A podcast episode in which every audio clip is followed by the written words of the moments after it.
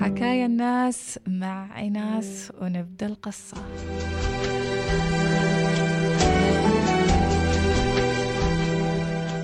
تقول القصة رفضت دعوة مريم وحكم عليها بالإلغاء والرفض وهذا اللي خلاها هي وخالد في صدمة ودهشة وذهول. كيف؟ وليش؟ ومتى بينتهي صبرنا؟ وبيطلعنا من هذا كله. وفي هذه الأثناء يات المحامية تقول لمريم أبوك طالب منك 32 ألف إذا تريدين تتزوجين من خالد. ردت مريم بضحكة كلها حزن وقهر. ما بدفع ولا فلس. والله الكبير الحلال قادر إنه يفتح لي مية باب وباب وعليه فليتوكل المتوكلون. تقول مريم ظليت في صراعاتي ووحدتي. ما عندي غير صديقاتي وخالد اللي كان يتواصل معي بين الفترة والثانية يطمن علي رغم كل التهديدات اللي وصلته ورغم كل المرة اللي عاشه بسببي والمشاكل اللي جاته من كل صوب أول ما حارب علشاني إلا أنه تمسك فيني. ويحكي لنا خالد اليوم قصته في تضحيته الكبيرة علشان يفوز بمريم. اللي ما أي حد يعرف قيمتها ويقدرها. مريم البنت الطيبة الخلوقة والإنسانة الحنونة اللي رغم معاناتها اللي عاشتها من لما كانت صغيرة بقت على معدنها الصافي والأصيل. يقول خالد كنت أسمع أمي تقول إن أهل مريم وصلوا لحارتنا يسألون عن اسمها يبون يعرفون اسم والدتي. فتقول لي وهي متقطعة من الصايح أكيد يبون يضرونك يا خالد بسحرهم يبون ياخذونك من يديني. ما أقدر أتحمل كل اللي أشوفه يصير فيك يا خالد. ما أقدر يا خالد أشوفك بهالحالة ما أقدر أشوف تعبك واللي مخلنك بهالحال. يقول خالد كانت أمي تترجاني أترك مريم. تقول لي ما أريدك تموت علي وتتركني. اتركهم علشاني. والله بيسر لمريم وبتحصل نصيبها اللي يناسبها وترتاح معاه. وهذا هو قلب الأم وما تلام لكن قلبي كان يقول لي شيء ثاني. يقول خالد كنت أرد عليها وأقول كيف أترك بنت تركت كل شيء علشاني؟ كل شيء يا أمي كل شيء. كنت أطمن أمي وأقولها ما بيصيبني إلا اللي كاتبنا الله لي. والله خير حافظ ولا تحاتين يا أمي. كانت عائلة خالد طول فترة ما كانت مريم تعاني في وحدتها هم سندها وحياتها. وكان أبو خالد قبل لا يتوفى بكورونا مثل البلسم على قلب مريم. شافت فيه الأبوة اللي عمرها ما ذاقت معناها بكلامه الطيب وسؤاله عنها. وتهدئته لها لما الكل تخلى عنها. تقول مريم حتى لما كنت في المستشفى كان أبو خالد وأهله يجون لين عندي يزوروني ويقطقوني بحنانهم ومحبتهم.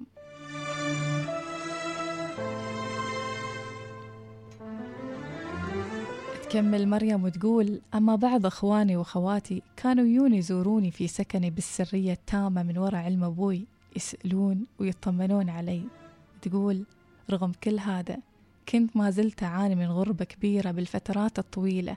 كنت أدور حل يطلعني من الضعف اللي كنت أعيشه بحاجتي لشخص يداريني ويكون معي عون وسند في مرضي اللي خبرتكم عنه والغربة اللي خنقتني والإشاعات الكثيرة اللي تمت. تنفث بسمها مثل الثعبان تلف حوالينا بشدة كل ما طالت المدة. ورغم كل هذا كان خالد يردد في وجه أي شخص ينصحه أنه يتخلى ويقولهم والله لو حطيت السيف على رقبتي أني أترك هالبنت والله أني ما تركتها. تقول مريم رغم أن الإشاعات مثل السيف إلا أني كنت أرمي كل هالكلام ورا ظهري لأني أعرف أني لو تراجعت وضعفت ما راح يتغير شيء أبد. في عيشتي مع ظلم أهلي وأبوي لو كان شيء بيتغير في أبوي وأهلي كان تغير من سنين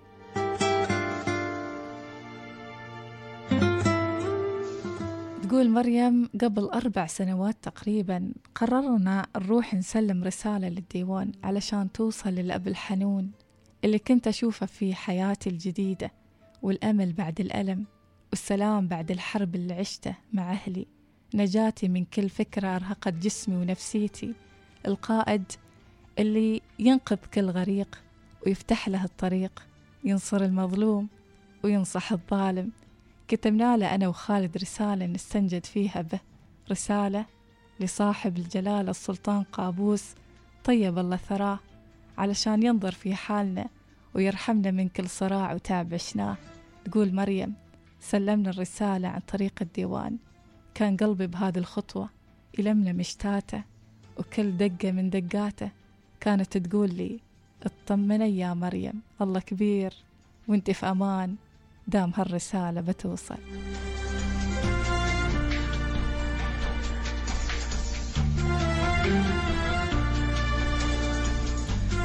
تقول مريم مرت الأيام ونحن نترقب ونحسب الساعات والدقايق وبدل لا يجينا رد الرسالة انفطرت قلوبنا فوق ما هي مفطورة. بخبر وفاته طيب الله ثراه. تقول مريم قمت أبكي وأقول أبوي حبيبي صاحب الجلالة لا تروح تتركني بهالحال لا تروح يا أبوي وأنت اللي بعدك يطمن البال لا تروح لا تروح. تقول مريم لما توفى جلالة السلطان بكيت بحرقة كبيرة لأيام طويلة مثل ما بكاها الملايين لكني أنا بكيت حزن لفراقة وحزن على وضعي وحياتي المعلقة في الرسالة اللي كنت أنتظر إنها توصل له ولكنه رحل. رحمة الله عليه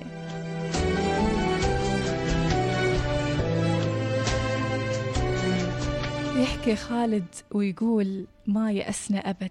رحنا عند سماحة الشيخ أحمد الخليلي المفتي العام للسلطنة اللي سمعناه كل قصتنا وكتب بعدها رسالة تدعم رسالتنا اللي قدمناها قبل الديوان. محتواها أنه يحق لنا الزواج بدون أي شك أو حتى جدال بعدها هو رسلها للديوان وبعد كم يوم اتصلونا من الديوان يأكدون أن رسالة سماحته وصلت وإنهم بيتابعون الموضوع. تقول مريم بعد فترة بسيطة بدأ قلبي يعلق كل آماله بقرارات سلطان هيثم الله يحفظه ويرعاه. ويبارك في أرضه وسماه في أنه ينظر في حالي أنا وخالد ويشوف رسالة سماحته الله يحفظه. وفعلا بعد فترة بسيطة ياني اتصال يقول لي فيه المتصل ألو السلام عليكم ردت مريم. وعليكم السلام. يقول أنت رافعة تظلم في قضية عضد؟ قالت له إي نعم فعلا صحيح. قال لي مريم أنت تريديه؟ قالت له أكيد. وهو قالها وهو يريدك للحين؟ قالت أيوة الحمد لله. قال في هذا الاتصال في أوامر من جلالة السلطان هيثم الله يحفظه تأمر بتزويجكم.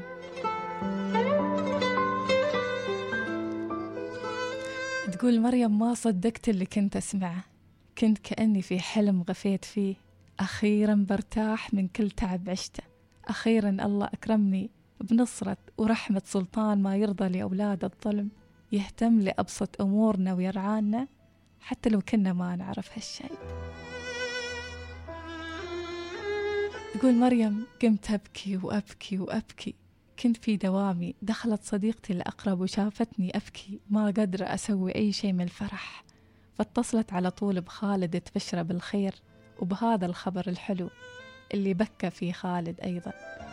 يقول أخيرا قلبي بياخذ اللي تمناها القلب وارتاح لها.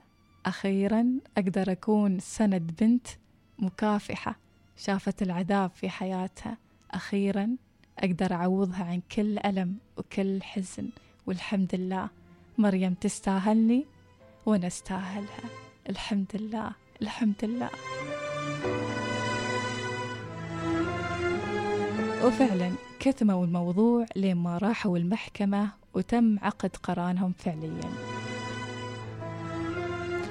مريم عايشة الحين أجمل عيشة مع خالد وعائلته اللي تعتبرهم أهلها اللي عوضها الله بهم. عايشة معه حياة زوجية مستقرة. أما أبوها عمره ما راح يتغير.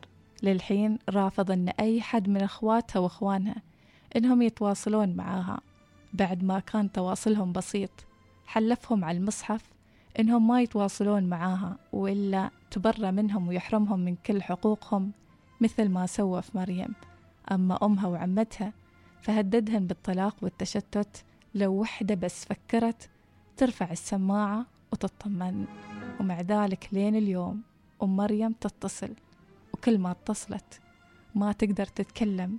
ما بيدينها غير إنها تبكي وتبكي وتبكي وتدعي. إن هالكابوس ينتهي لكن متى؟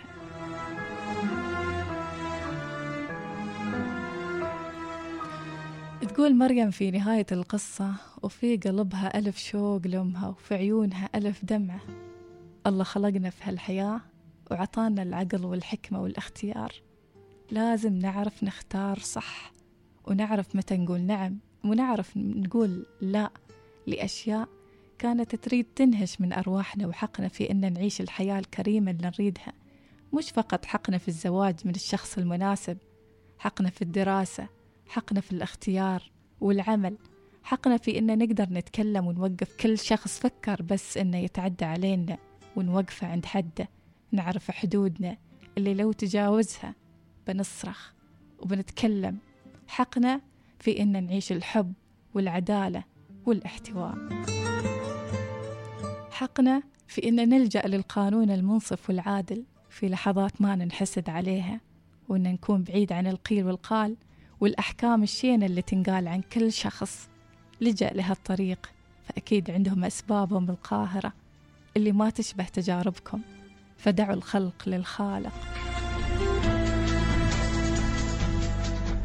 تقول مريم صحيح أعرف وضعي صعب وغير عن كثير من اللي سمعوا قصة اليوم لكن الغاية هو أنك تعرف قيمتك تحاول تصلح محيطك ولكن بشرط أنك تنتشر روحك من كل شيء يأذيها.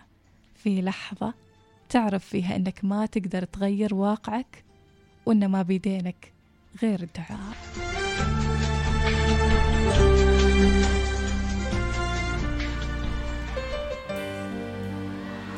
وهذه هي نهاية قصة مريم. ومثل ما قال راشد الماجد يلا نعيش في دنيا غير فيها السلام فيها الأمان فيها كل شيء غير غير. ماذا لو عشنا الحب؟ ماذا لو عشنا الحنان؟ ماذا لو عشنا الاحتواء؟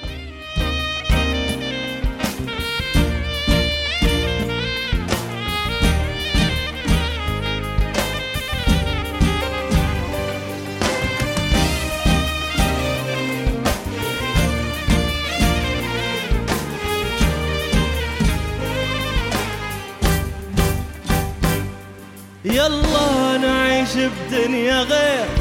مليانة حب مليانة خير. فيها الحبيب انتو بس الأول أنت والأخير. يا روح الروح كفاية جروح. يا روح الروح كفاية جروح.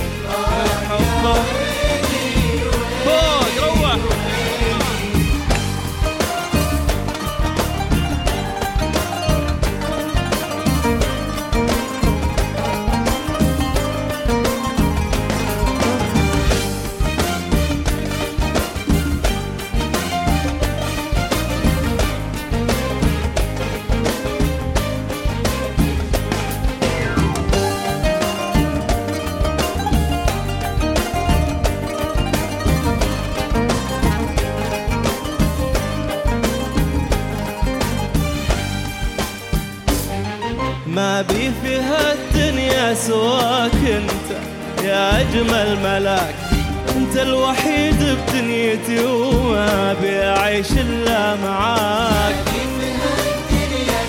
أنت يا أجمل ملاك انت الوحيد بدنيتي وما ابي اعيش إلا معاك.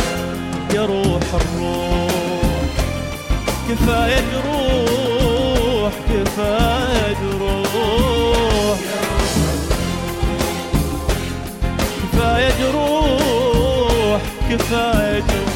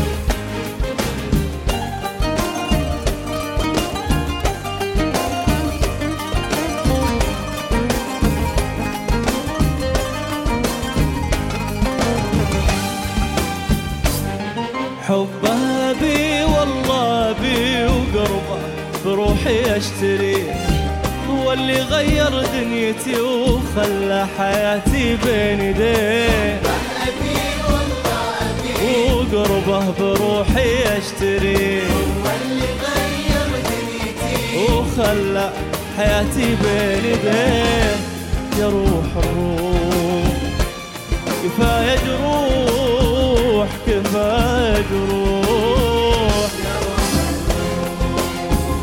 كفاية جروح كفاية كفاية جروح